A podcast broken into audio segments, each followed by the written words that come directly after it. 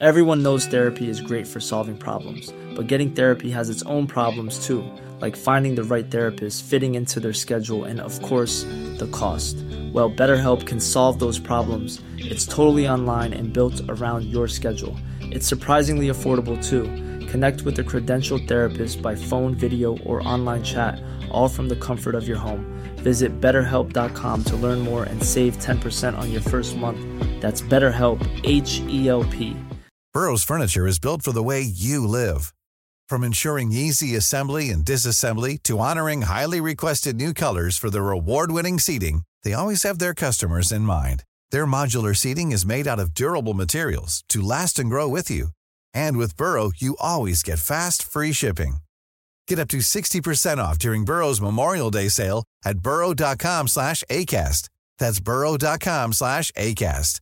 burrow.com slash ACAST. Millions of people have lost weight with personalized plans from Noom, like Evan, who can't stand salads and still lost 50 pounds.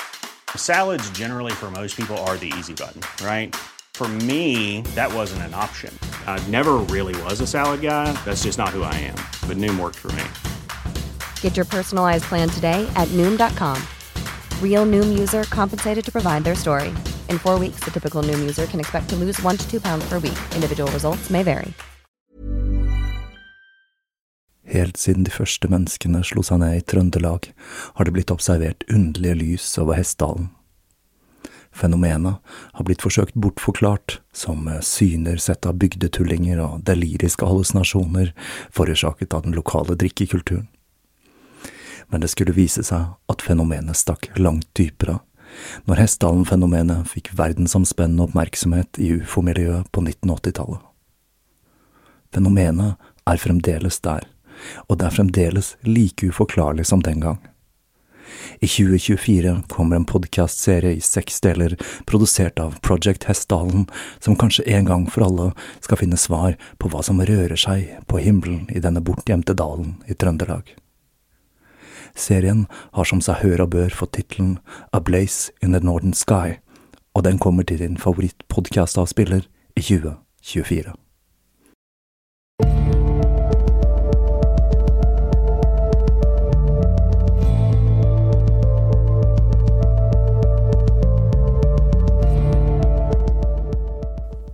Hei og velkommen til Tåkeprat.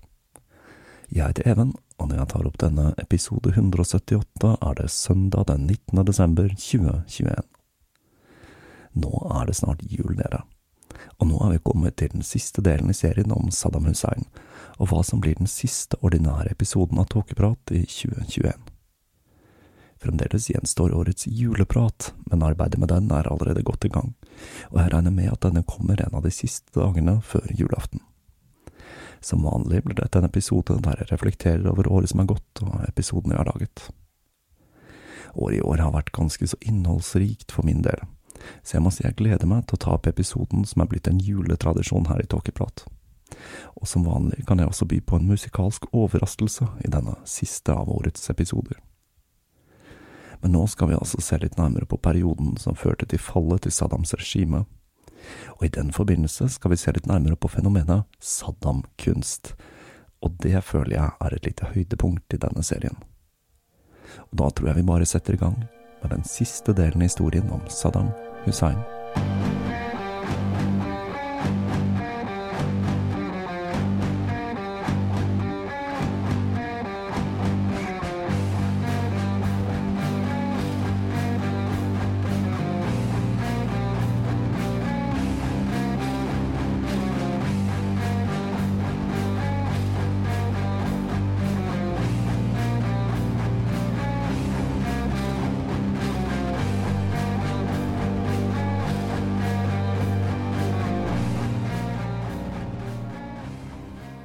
FN hadde altså opprettet dette UNESCO for å overvåke Saddams masseødeleggelsesvåpen, men Saddam han lå ikke på latsiden, og han ga flere i sin innerste sirkel oppgaven med å villede FN-inspektørene. I begynnelsen høstet UNESCO med en viss suksess med å finne og ødelegge irakiske våpenlagre, og mellom 1991 og 1993 utførte inspektørene 53 inspeksjoner. Men UNESCO forble skeptiske De følte seg rimelig sikre på at Irak fortsatt skjulte store kvanta kjemiske våpen. USA på sin side fortsatte med militære operasjoner i Irak, blant annet i nord for å sikre kurderne og i sør for å sikre sjiamuslimske grupperinger. Men målet til USA var ikke kun å sørge for at Irak ikke lenger hadde masseødeleggelsesvåpen, men det var å velte hele Saddams regime. Saddam hadde ikke stort å vinne på å samarbeide med inspektørene. Dersom han skjulte kjemiske våpen, så ønsket han jo selvsagt å holde dem skjult, og dersom han ikke hadde ulovlige våpen, så ville han ikke at fienden hans skulle få vite om dette, fordi han mente at det ville gjøre ham sårbar. Senere skulle denne taktikken vise seg å bli fatal for Saddam og regimet hans. I 1998 besøkte Kofi Annan Irak og Saddam som den første store politiske personen etter Gulfkrigen. Mens han røykte en av Saddams berømte sigarer, ble de to enige om at inspektørene fra Nescom skulle få undersøke et par av palassene til Saddam, som lenge hadde vært mistenkt for å være skjulesteder for ulovlige våpen. Men til tross for denne samtalen satte Saddam foten ned for videre inspeksjoner i desember, når USA satte i gang operasjonen Desert Fox. I løpet av denne fire dager lange operasjonen bombet amerikanske og britiske fly mer enn 100 irakiske militære mål.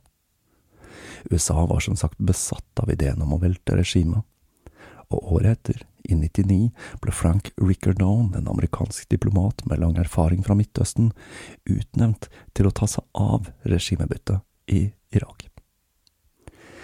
Gjennom hele presidentskapet benyttet Saddam seg av en nær familie for å beholde makten, og slektninger og medlemmer av klanen hadde stillinger i sikkerhetsstyrkene, etterretningstjenesten, regjeringen og militæret. Men tro det eller ei, nære familiebånd var ingen forsikring mot konflikt, noe sikkert mange her til hans kommer til å ta og føle på i ukene som kommer. Ting begynte virkelig å skli ut på familiefronten når Saddam fant seg kone nummer to, Samira Sabahandar. Dette var en kvinne Saddam hadde blitt introdusert for av munnskjenken sin, Hanna Yayo, for det var klart at han måtte ha en munnskjenk og dette ekteskapet førte til at Saja trakk seg tilbake til et anonymt liv. Dette førte til at eldstesønnen Uday fyrte seg opp. Under en fest i oktober 1988 dukket han opp i fylla og drepte Hanna Yayo. Saddam ble rasende og sverget på at han skulle drepe sønnen. Uday forsøkte angivelig å begå selvmord i desperasjon, men slektninger grep inn, og de sørget for at han ble benådet. Først ble han sendt til Genéve til halvbroren til Saddam, Barzan, men etter bare et par måneder var alt tilgitt, og han flyttet tilbake til Irak. Som nevnt tidligere så hadde denne Uday et svært frynsete rykte, og han skulle etter hvert bli et slags symbol på alt som var galt med regimet til Saddam. Han drakk tett, og han var kjent for å være en pikenes Jens, eller det er kanskje feil uttrykk, for han var nemlig kjent for å være svært voldelig med damene. Som sin far hadde han dyre vaner og var glad i eksklusive sigarer og whisky. Han ble utnevnt til leder for den irakiske olympiakomiteen og det irakiske fotballforbundet, og det sirkulerte rykter om at han torturerte idrettsutøvere som ikke levde opp til forventningene hans. I tillegg opparbeidet han seg enorm rikdom via familiens smuglernettverk. Dette førte selvsagt til at han fikk et frynsete rykte og en rekke fiender og i desember 1996 ble han utsatt for et attentatforsøk da Porschen hans ble pepret med kuler når den stoppet på rødt lys. Men Uday, som satt i passasjersetet, han overlevde angrepet. Uday giftet seg med datteren til Barzan, denne halvbroren i Genéve. Men det ekteskapet ble avsluttet etter kun noen få måneder, da Uday var ekstremt voldelig. Og han var virkelig ekstremt voldelig. Det verserer historier om hvordan han pleide å voldta medstudenter, hvorpå han fikk sikkerhetsvaktene sine til å henrette dem etterpå. Uday var altså forbundet med voldtekter av jenter nede i tolvårsalderen, og en historie forteller om hvordan han voldtok bruden i et bryllup, hvorpå brudgommen begikk selvmord. Uday drakk enorme mengder. Han hadde til og med egne ansatte som tvang de som var til stede på festene hans, til å drikke. Favoritten var en drink som besto av whisky, konjakk, brandy, vodka og øl, og de som ikke klarte å tømme denne drinken på ti minutter, ble utsatt for tortur for å underholde de andre gjestene. Saddams yngre sønn, Kwasai, var en langt mer stille type som ikke gjorde like mye ut av seg. Men det skulle ikke stå på tortur der i gården heller. Han var overhode for den irakiske sikkerhetsorganisasjonen, og var derfor ansvarlig for å undertrykke fiender av regimet. Mot slutten av 90-tallet så det ut til at Saddam så på Kwasai som den mest sannsynlige arvtakeren av regimet. Uday og Kwasai ble ofte referert til som nummer to og nummer tre, og de knivet om å få være nummer to. Siden Uday var eldst, var det mest naturlig at han skulle overta, men Kwasai var altså favoritten, og han ble pekt ut som den som skulle overta styret dersom Saddam ble syk eller døde. Svigersønnene til Saddam var også viktige i regimet. Rana, den ene datteren til Saddam, giftet seg med Saddam Kamel, som var fetteren til Saddam, og han hadde spilt rollen som Saddam i filmatiseringen av Flukten over Tigris. Og søsteren hennes giftet seg med Hussein Kamel. I kjent stil var det mye inngifte på gang her, altså, og holdt seg innenfor klan og familie. Begge disse mennene hadde viktige stillinger i regimet, og de var sentrale i å villede inspektørene fra Unesco. Saddam Kamel, jeg må si jeg elsker det navnet, jobbet i den hemmelige tjenesten, og Hussein Kamel skulle etter hvert bli landets forsvarsminister. Uday likte ikke disse to, og han gjorde det han kunne for å stikke kjepper i hjulene for dem. Høsten 1991 sørget han for at Hussein mistet stillingen som forsvarsminister, og Ali Hassan al-Majid fikk ministerposten. Han skulle senere bli kjent under klengenavnet Kjemiske Ali, da han sto bak en rekke gassangrep mot kurdere, og han må ikke forveksles med Komiske Ali, som var informasjonsministeren til Irak under invasjonen i 2003. Men det var ikke bare disse svigerbrødrene til Saddam Uday hadde en torn i siden til. Han likte heller ikke Watbam Ibrahim, som var Saddams halvbror, som ble utnevnt til innenriksminister i 1991. Uday sørget for å få han fjernet fra stillingen i 95, men det var ikke nok for ham. Igjen skulle han lage en scene under en fest. Denne gangen var det under den årlige feiringen av slutten av Iran og Irak-krigen. Uday dukket opp på festen, hvor Watman var til stede, full som vanlig. Og denne gangen var han bevæpnet med maskingevær. Han fyrte løs på gjestene, og Watman ble skadet i beinet, men han overlevde, mens seks unge kvinner ble drept. Vi kan vel slå fast at Uday Hussein ikke var en spesielt bra fyr, og at han nok kommer ganske høyt opp på lista over personer man ikke ønsker seg på årets julebord. Han er nå heldigvis død, men maken til uspiselig type, det skal man lete lenge etter. Den samme kvelden flyktet kamelbrødrene sammen med familiene sine over grensen til Jordan. Tradisjonelt hadde den jordanske kongen hatt et godt forhold til Saddam, men dette hadde surnet i årenes løp, og når han ga asyl til brødrene, så var dette forholdet ødelagt for godt. At eh, to personer med tette bånd til regimet hadde blitt avhoppere, vakte internasjonal oppmerksomhet, og amerikansk presse omtalte det som det største slaget mot regimet noensinne. De to avholdt en pressekonferanse, og de sa at de skulle jobbe fra innsiden av den arabiske verden for å velte regimet til sin svigerfar men fagre løfter til tross. Det skulle vise seg at de to ikke hadde spesielt mye kredibilitet som ledere for en opposisjon, da de hadde vært involvert i å undertrykke både kurdere og sjiaer i landet. Saddam sendte Uday til Jordan, og han påstod at kamelbrødrene hadde kidnappet døtrene til Saddam, og samtidig holdt Saddam en tale der han sa at de hadde stukket av med enorme summer fra den irakiske statskassen. Det ble en del murring, og ryktene om at regimet sto for fall, begynte å spre seg.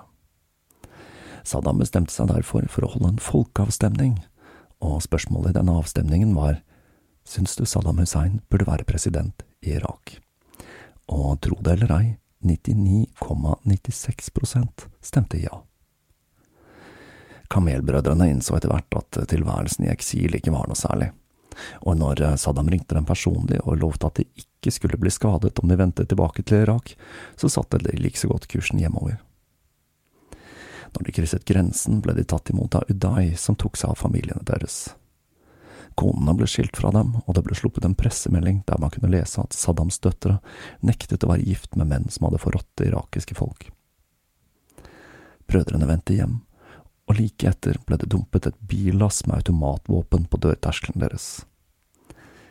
Dette var en god, gammel, kritisk beduintradisjon. De var i ferd med å bli angrepet, og de skulle ha muligheten til å forsvare seg. Familien og klanen til Saddam angrep huset der de to hadde barrikadert seg, og etter et 13 timer langt slag ble de to drept. Saddam sa at han ikke kjente til denne planen, og at han ikke ville ha godkjent bruk av vold mot de to om han hadde hørt noe om den. Men like fullt sa han at det var bra de ikke spurte, for han tilga det som ble gjort. De renset kroppene og kuttet av den råtne fingeren av skam og vanære fra familien hans.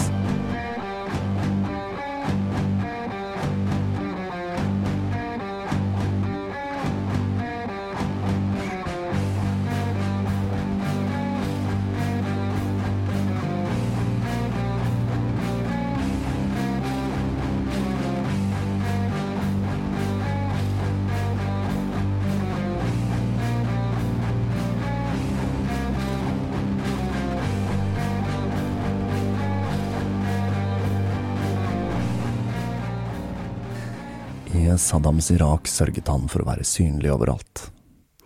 Statuer av ham ble reist på hver eneste offentlige plass, og veggen ble tapetsert med bilder av ham. Saddam selv trakk seg mer og mer tilbake fra offentligheten, men bildet og navnet hans var alltid til stede. Man fant ting som Saddam internasjonale flyplass og Saddam sykehuset, og ansiktet til Saddam ble trykket på irakiske pengesedler og frimerker, og ikke minst på klokker og kalendere. Og for de av dere som kan tenke seg en Saddam-klokke, så finnes det plenty av disse til salgs på eBay, og mange av dem er riktig så eksklusive, så det er jo et knæsj julegavetips, men det er kanskje litt sent med tanke på frakt, i alle fall i år. Saddam preget forsiden på avisene hver dag, og før den daglige nyhetssendingen på TV startet, ble det vist en montasje med bilder av Saddam akkompagnert av sanger som hyllet ham. Digre håndmalte portretter preget offentlige bygninger, som Saddam portrettert med hånda på panna til en syk pasient på sykehuset, og Saddam som snakket i telefonen på det irakiske kommunikasjonsselskapet. På 1990-tallet fikk faktisk Saddam plass i Guinness rekordbok som den mest portretterte statsoverhodet noensinne, og det er jo ganske godt gjort. Krigen hadde brakt med seg død og ødeleggelse, men for Saddam var dette en gyllen mulighet til å male et bestemt bilde av seg selv, og selv mens krigen pågikk, planla han krigsminnesmerker for å gjøre det offentlige rommet i Irak til et lerret som skulle bli preget av kunst til hans ære. Et av de virkelig store kunstverkene var den irakiske triumfbuen som ble konstruert av den irakiske kunstneren Mohammad Ghani. Dette er et 40 tonn stort monument der to armer, modellert etter Saddams egne, strekker seg over en paradeplass i Bagdad. Hver hånd holder et sverd som er støpt av våpnene til døde irakiske soldater, og de ble støpt i et eget irakisk støperi som ble laget kun for den jobben. Under armene er det to nett med hjelmene til 5000 døde irakiske soldater. Det høres jo unektelig ganske stilig ut, det der og armene de ble laget av Morris Singer støperi i England, og de er så detaljerte at tomlene til og med har Saddams ekte fingeravtrykk. Og Saddam skulle få bygget en hel haug med disse monumentene. I Basra finner vi et monument som sto ferdig i 1989, med 80 statuer laget etter fotografier av døde irakiske soldater, som alle peker i retning av Iran. Det mest spektakulære monumentet er nok Martyrmonumentet, som sto ferdig i 1982. Dette er en kjempestor blå kuppel, lik de man finner på moskeer, med et hull i toppen, slik at martyrenes sjeler kunne stige opp mot himmelen. Under finner man en vegg med hundretusenvis av navn på irakiske soldater som mistet livet i Iran-Irak-krigen. Dette monumentet ble bygget av Mitsubishi og det ble designet av det samme firmaet som designet operahuset i Sydney. Så her snakker vi altså. Saddam skulle også forsøke seg på historisk restaurering, når han i 1978 begynte på et prosjekt for å restaurere selveste Babylon. Han forsøkte å bygge det opp slik det hadde vært, og han bygde bymurer rundt slik man forestilte seg at det en gang hadde vært. Men helt fritt for Saddams stempel var det jo ikke. Det var eneste stein i murene var preget med Saddam Hussein. I tillegg fikk han bygget et palass over byen, slik at han kunne sitte og se utover det gamle Babylon. Saddam visste å dra nytte av historien, og med tanke på den urgamle historien til Irak, så var jo ikke det så dumt. Målet var å skape følelsen av at man hadde noe eget, noe som ikke var vestlig, men med langt dypere røtter enn hva Vesten kunne skilte med. Han fikk også, som så mange andre diktatorer, bygget sitt eget museum, dedikert til ham selv. Dette museet var en hyllest til livet hans, og man kunne besøke utstillinger som dekket hver fase av livet, som barndom og oppvekst. Hjertet av museet var et klokketårn med en pendel som var laget av fire AK-47-er i gull, og hver time spilte klokken en melodi som var skrevet som en hyllest til Saddam. Det aller, aller gjeveste i samlingen var et par gullsporer Saddam hadde fått av Reagan på tidlig åttitall, siden de begge to var så glad i å ri. Men etter hvert som forholdet mellom de to landene hadde surnet, ble disse fjernet fra utstillingen og satt på lager. Saddam dannet altså grunnlaget for en helt ny kunstform, Saddam-kunst. På Saddams 56-årsdag i 1993, som også var 25-årsdagen for kuppet, ble dagen markert med en utstilling i Saddams kunstsenter i Bagdad, hvor det ble avdekket en utstilling med 40 portretter av Saddam. Det å tegne, male eller fremstille Saddam på en kunstnerisk måte ble faktisk et eget yrke, og en hel økonomi ble skapt ut av denne sjangeren.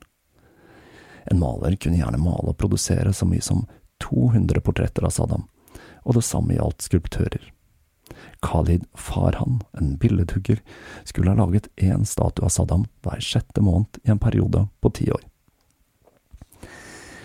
Min store favoritt, og kanskje det artigste funfactet fra denne serien, er at en irakisk kunstner åpnet en butikk som spesialiserte seg på, ja, nå må dere holde dere fast, å male bilder av Saddam i sitt eget blod. Det var saker, det. Everyone knows therapy is great for solving problems, but getting therapy has its own problems too, like finding the right therapist, fitting into their schedule, and of course, the cost. Well, BetterHelp can solve those problems. It's totally online and built around your schedule. It's surprisingly affordable too. Connect with a credentialed therapist by phone, video, or online chat, all from the comfort of your home. Visit betterhelp.com to learn more and save 10% on your first month. That's BetterHelp H E L P. Hey, it's Ryan Reynolds, and I'm here with Keith, co star of my upcoming film, If, only in theaters, May 17th. Do you want to tell people the big news? All right, I'll do it. Sign up now and you'll get unlimited for $15 a month in six months of Paramount Plus Essential Plan on us. Mintmobile.com slash switch. Upfront payment of $45 equivalent to $15 per month. Unlimited over 40 gigabytes per month. Face lower speeds. Videos at 480p. Active Mint customers by 531.24 get six months of Paramount Plus Essential Plan. Auto renews after six months. Offer ends May 31st, 2024. Separate Paramount Plus registration required. Terms and conditions apply if rated PG. Irak kunne kanskje ha vært grobunnen for undergrunnskunst som kritiserte regimet, men det var Saddams besettelse av å fremme et slags mytologisk bilde av seg selv som ble det toneangivende innen kunsten i landet. Det er vanskelig å vite hvor mye av denne kunsten som ble laget på grunn av den overhengende trusselen fra regimet, og hvor mye som skyldtes en faktisk nasjonalistisk bølge.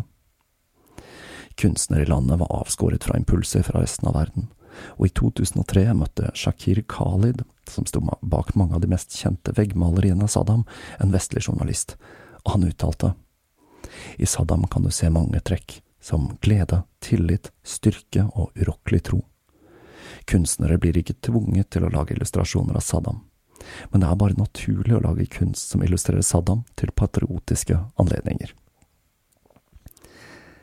Saddam på sin side hadde en stor privat kunstsamling, og det dreide seg om en ganske annen type kunst enn bilder av ham selv. Favorittkunstneren hans var Rowena Moriel, som er en amerikansk kunstner som ble inspirert av oppveksten i Japan, og slo seg på å male lettkledde damer, muskelmenn med sverd og demoner, eller hva vi må kunne kalle Konan-kunst.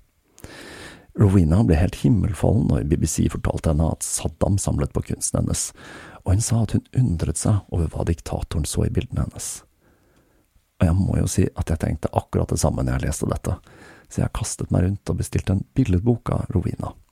Det ble plutselig et må-hat i boksamlingen, som en Konan-entusiast med sans for det bisarre. Etter Gulfkrigen trakk Saddam seg mer og mer vekk fra rampelyset, og han skulle selv komme med et bidrag til irakisk kunstliv ved å skrive bøker. Den første boka hans, Sabiba og kongen, ble publisert anonymt i år 2000. Om det faktisk var Saddam selv som skrev bøkene, er litt uklart. En journalist som var involvert i prosessen, sa at Saddam hadde en rekke hjelpere som skrev ned historier han fortalte, og som senere ble utbrodert av flere irakiske forfattere. En av disse forfatterne skulle blant annet ha blitt funnet død like etter han var ferdig med oppdraget, og det ble mistenkt at han ble forgiftet for å holde tett om at han var involvert. Men uansett hvordan bøkene ble til, så er det liten tvil om at Saddam var dypt involvert i prosessen, for CIA, MI6 og Mossad studerte Sabiba og kongen inngående for å få et innblikk i psyken til Saddam. Boka er av typen kiosklitteraturromanse blandet med krig, og den starter som en historie som blir fortalt av en gammel beduinkvinne. Det er en historie om en trist konge som til tross for rikdom og mange konkubiner, lever en isolert og deprimerende tilværelse i palasset sitt. En dag møter han Sabiba, som er en vanlig borger, og han blir fortryllet av denne enkle, vakre kvinnen, men det er en utfordring, hun er gift. Kongen beordrer henne til å besøke palasset, og en stor del av boka er dialoger mellom de to, og hun forteller ham om livet til folk flest. Dette skal visstnok symbolisere forholdet mellom Saddam og det irakiske folket. Etter en stund blir Sabiba lei av å besøke kongen, selv om hun er forelsket i ham, og hun bestemmer seg for å bli hos ektemannen men han er slem og slår henne, så kongen sørger for at de to kan skilles, slik at hun kan gifte seg med ham. Når dette er blitt avgjort og hun rir hjem igjen på en hvit hest hun får av kongen, blir hun overrumplet av en maskert mann.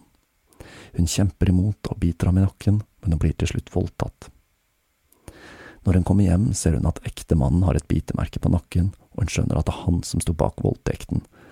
Og den voldtekten, den fant sted på den 17. januar den samme dagen Gulfkrigen startet.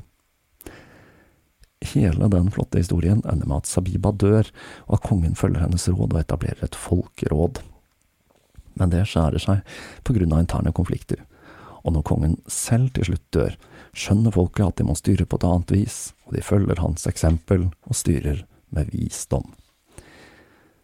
Ja ja, to år senere kom den andre boka til Saddam, Det befestede slottet, som også var en romantisk krigsroman. Og den tredje boka, Menn og byen, kom like etter, og den handlet om Saddams familie og Baath-partiet. Den siste boka hans, Forsvinn demoner, kom like etter George W. Bush gjorde seg klar for å invadere Irak i 2003.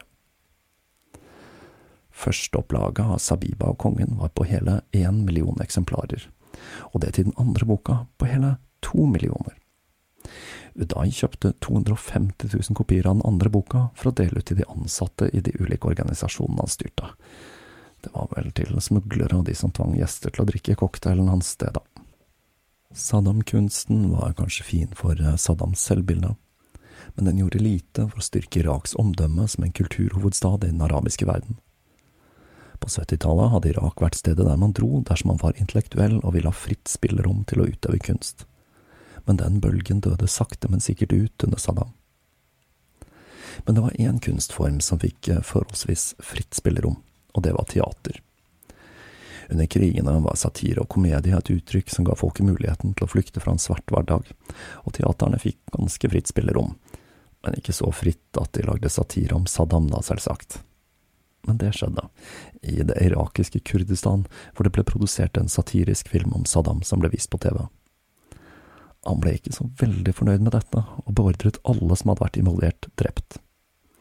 Saddams snikmordere ble tatt av kurdiske myndigheter før de kunne utføre ugjerningen, men hovedrolleinnehaveren, Fayili, så seg nødt til å leve i skjul i mange år etterpå. Til tross for at Saddam hadde tapt Gulfkrigen, så skulle det altså vise seg at regimet hans var langt mer motstandsdyktig enn hva amerikanerne hadde trodd. I 1996 forsøkte Clinton-regjeringen å iscenesette et kupp i Irak, og de beordret CIA til å ta seg av saken.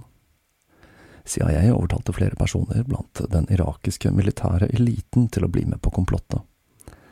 Men Saddam, som tross alt var ganske godt vant til kupp og forberedt på at noe slikt kunne skje, oppdaget sammensvergelsen, og det førte til et hundretalls arrestasjoner av mistenkte konspiratører, og flere av disse ble torturert og henrettet i kjølvannet av arrestasjonene.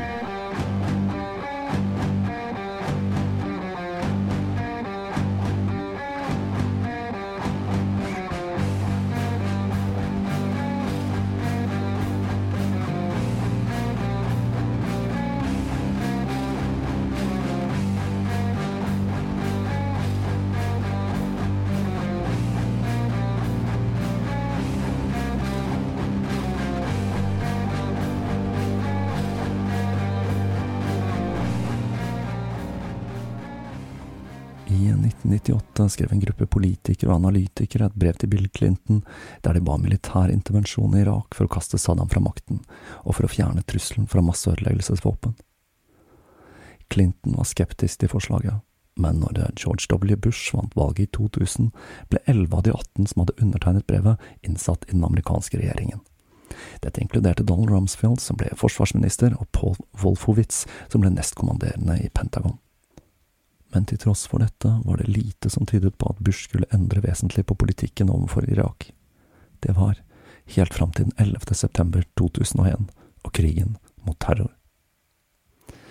Selv mens USA holdt på med krigføring i Afghanistan, ble det stadig mer sannsynlig at et angrep mot Irak var nært forestående. Gruppen som hadde skrevet brevet, så på terrorangrepet den 11. september som en gyllen mulighet til å få gjennomført det planlagte regimeskiftet i Irak. Kvelden den 29. januar 2002 ga Bush sin unionstilstandtale, og i denne advarte han om at krigen mot terror bare så vidt var begynt. Han advarte mot at det irakiske regimet hadde planlagt å utvikle antrax, nervegass og ikke minst atomvåpen i over et tiår, og at det gjorde at det irakiske regimet representerte en fare for hele verdenssamfunnet. I månedene som fulgte, økte sannsynligheten for militær intervensjon i Irak. Måneden etter ble Dick Cheney intervjuet av CNN, og han sa at han visste at Saddam hadde jobbet med å utvikle masseødeleggelsesvåpenprogrammene sine siden inspeksjonen hadde tatt slutt i 1998, og han presiserte hvor farlig det ville bli dersom Saddam fikk tak i atomvåpen. Ett år etter angrepene den 11. september holdt Bush en tale for FNs generalforsamling der han advarte mot terrorismens krig mot sivilisasjonen og han utbroderte med at dette var et regime der man fant alle truslene mot verdenssamfunnet konsentrert under én leder. Retorikken fortsatte utover høsten. USAs nasjonale sikkerhetsrådgiver Condoleezza Rice kom med den nå så velkjente uttalelsen There will always be some uncertainty, we don't want a smoking gun to be a mushroom cloud. Det var flere i den amerikanske regjeringen som ikke ønsket en direkte militær konfrontasjon med Irak, og som snakket varmt for heller å benytte seg av diplomati og FNs inspeksjonsprogram. Og de bemerket at det ikke var tilstrekkelig med bevis for å koble Saddam til terrororganisasjoner, og enda mindre for å koble han til angrepet den 11. september.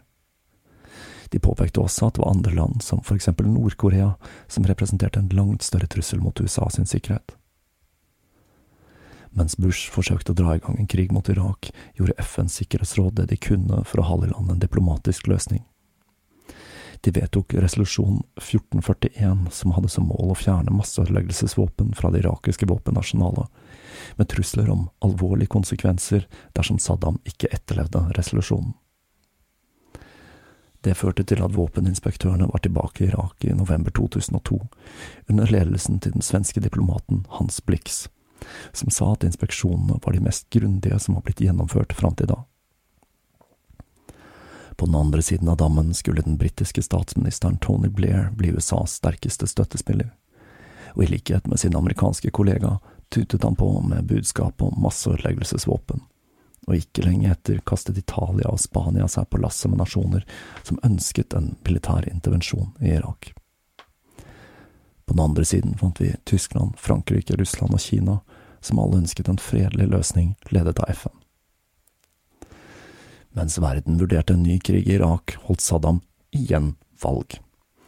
Med seg selv som den eneste kandidaten under slagordet Alle elsker Saddam, stakk han av med 100% av stemmene, mot altså 99,96 ved forrige valg, og det må vi jo kunne kalle en brakseier. I januar 2003 uttalte Hans Blix at de ikke hadde funnet noen tegn på produksjon eller oppbevaring av masseødeleggelsesvåpen. Etter 250 inspektører fra 60 land hadde gjennomført 300 inspeksjoner av universiteter, presidentpalasser, militærbaser og privatboliger. Men det hjalp ikke. USA og Storbritannia begynte å utplassere tropper i Midtøsten, og i et forsøk på å hjelpe til tilbød Saudi-Arabia amnesti til Saddam og hans nærmeste dersom de forlot Irak frivillig. Men dette tilbudet appellerte ikke til Saddam. I februar ga Saddam et intervju til den amerikanske journalisten Dan Rather fra CBS, hvor han presiserte at Irak ikke hadde masseødeleggelsesvåpen, at folket hans ønsket å leve i fred, og ikke minst så inviterte han president Bush til en TV-debatt. Bush hadde like lite lyst til å delta i denne debatten som Saddam hadde til å søke asyl i Saudi-Arabia, og hva som kunne blitt århundrets TV-debatt, ble ikke realisert. Det var statssekretær Colin Powell som til slutt skulle tippe vekten i favør av krig, når han talte for World Economic Forum. Powell hadde tidligere vært en tilhenger av diplomati, og det gjorde at ordene hans veide ekstra tungt når han sa at det var mulig at Saddam og Osama bin Laden samarbeidet. Selv om mange hevdet at Saddams sekulære tyranni ikke kunne blandes med bin Ladens religiøse tyranni, var de begge knyttet sammen av et glødende hat mot USA, sa han. Det var også Powell som la fram satellittfoto som angivelig viste steder der Irak produserte og oppbevarte masseødeleggelsesvåpen.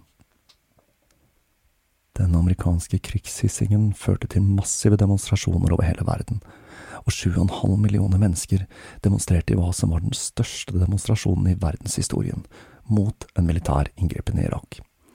Og nobelprisvinneren Desmond Tutu uttalte at all krig, før man har forsøkt enhver mulighet for en fredelig løsning, er umoralsk. Den 17. mars møttes Bush, Tony Blair og den spanske statsministeren José Maria Asnar på Azorene, og de erklærte at dette var sannhetens øyeblikk for verden. Bush ga Saddam en tidsfrist for å forlate Irak, og han ba alle utenlandske statsborgere, inkludert journalister, forlate Irak for sin egen sikkerhet. Et råd ikke alle fulgte, og det skulle få konsekvenser. Dette førte til at Hans Blix til sin store frustrasjon måtte trekke ut inspektørene sine. Den 19. mars erklærte Bush at amerikanske tropper hadde begynt militære operasjoner i Irak for å stoppe Saddams mulighet til å lage masseødeleggelsesvåpen. Den 7. april gikk amerikanske tropper inn i Bagdad, og byen falt den 9. april.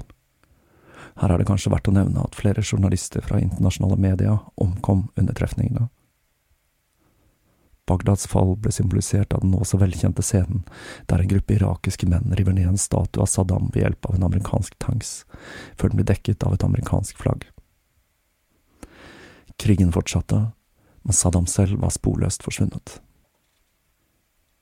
Den 4. juli ble det utlovt en dusør på 25 millioner dollar til den som kunne komme med informasjon som førte til pågripelsen av Saddam. Jevnlig kom det lydopptak av den falne diktatoren. De ble kringkastet i arabiske og internasjonale medier som et motstykke til ryktene om at han var død. Saddams døtre ble gitt asyl i Jordan, men det gikk ikke fullt så bra med sønnene som ble drept i en villa i Mosul under en god, gammeldags shootout. Sommeren gikk, og det var fremdeles uklart hvor den tidligere irakiske lederen befant seg. USA lagde en kortstokk som besto av 55 kort med de mest ettersøkte lederne fra Saddams regime, og hvor Saddam selv var selveste Sparesse. Saddam var altså sporløst forsvunnet, og det var jaggu meg også masseødeleggelsesvåpnene. Det viste seg nemlig at Saddam ikke hadde noen. Han hadde nemlig ødelagt alle disse under den første serien med inspeksjoner, men av frykt for å fremstå som svak overfor fiendene sine, så hadde han vært vag på akkurat det punktet. Den 12. desember igangsatte USA Operation Red Dawn, oppkalt etter den ganske så fornøyelige filmen fra 1984 som ble regissert av John Milius, som også sto bak Konan-filmen fra 1982. Og det var den andre Konan-referansen i en episode om Saddam Hussein, og det er jo litt spesielt, da. Saddam hadde klart å holde seg skjult i ni måneder, men han ble til slutt funnet i en låve i en liten landsby utenfor Tikrit. Fra låven kunne man se lysene til et av de overdådige palassene hans som lå ved bredden av en tigris. Saddam hadde gjemt seg et hull i gulvet. Han hadde en pistol, og i huset fant soldatene to AK-47-er og 750 000 dollar, i tillegg til litt klær og bøker. Av mat fant de råtten frukt, litt hermetikk og sjokolade. I månedsvis hadde Saddam levd i skjul i ulike hus i områdene rundt Tikrit, ved hjelp av familie og klanen. Saddam gjorde ingen motstand når han ble arrestert. Han virket derimot litt forvirret, og det første han sa var Jeg er Saddam Hussein, presidenten av Irak, og jeg ønsker å forhandle. Det at han ble tatt til fange uten kamp, var noe som ble sett ned på av det irakiske folket. Som vi har sett tidligere i denne historien, så var den vanlige kutymen blant beduiner å kjempe til døden framfor å overgi seg. Saddam Hussein ble holdt fanget i en amerikansk militærbase fram til han ble henrettet ved hengning den 30. desember 2006. Hengningen ble filmet med mobiltelefoner, og i opptakene kan man høre fangevokterne håne Saddam. Senere skulle en av vaktene hevne at Saddam ble knivstukket seks ganger etter henrettelsen. Han ble gravlagt i Tikrit, men graven hans skal ha blitt ødelagt i mars 2015.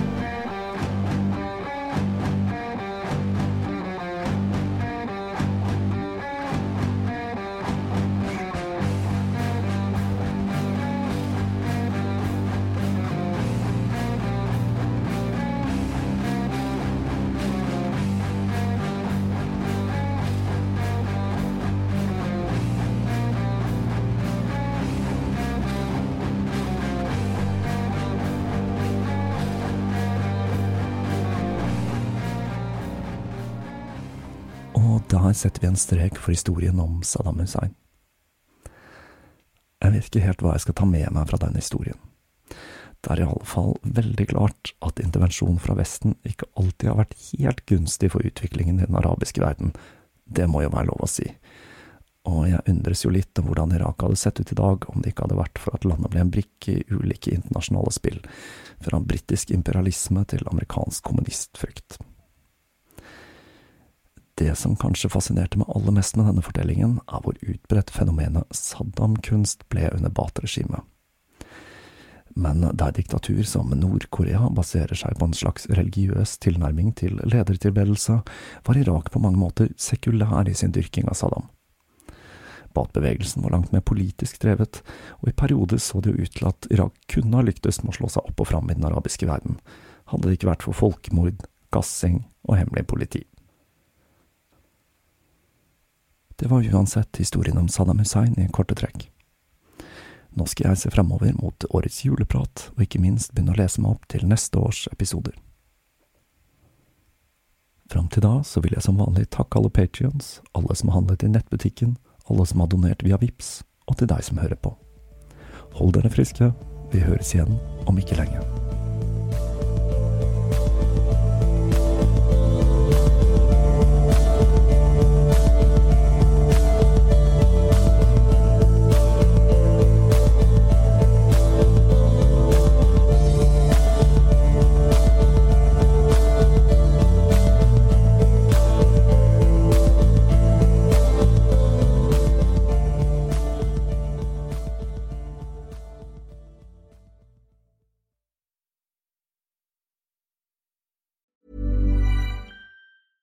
Hey, it's Paige DeSorbo from Giggly Squad. High quality fashion without the price tag. Say hello to Quince.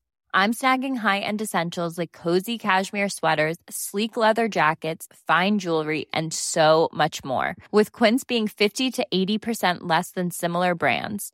And they partner with factories that prioritize safe, ethical, and responsible manufacturing. I love that. Luxury quality within reach. Go to quince.com slash style to get free shipping and 365 day returns on your next order. Quince.com slash style. Planning for your next trip? Elevate your travel style with Quince. Quince has all the jet setting essentials you'll want for your next getaway, like European linen, premium luggage options, buttery soft Italian leather bags, and so much more. And is all priced at 50 to 80% less than similar brands. Plus, Quince only works with factories that use safe and ethical manufacturing practices. Pack your bags with high-quality essentials you'll be wearing for vacations to come with Quince. Go to quince.com/pack for free shipping and 365-day returns. When you make decisions for your company, you look for the no brainers. If you have a lot of mailing to do, stamps.com is the ultimate no brainer. Use the stamps.com mobile app to mail everything you need to keep your business running with up to 89% off USPS and UPS. Make the same no brainer decision as over 1 million other businesses with stamps.com. Use code PROGRAM for a special offer. That's stamps.com code PROGRAM.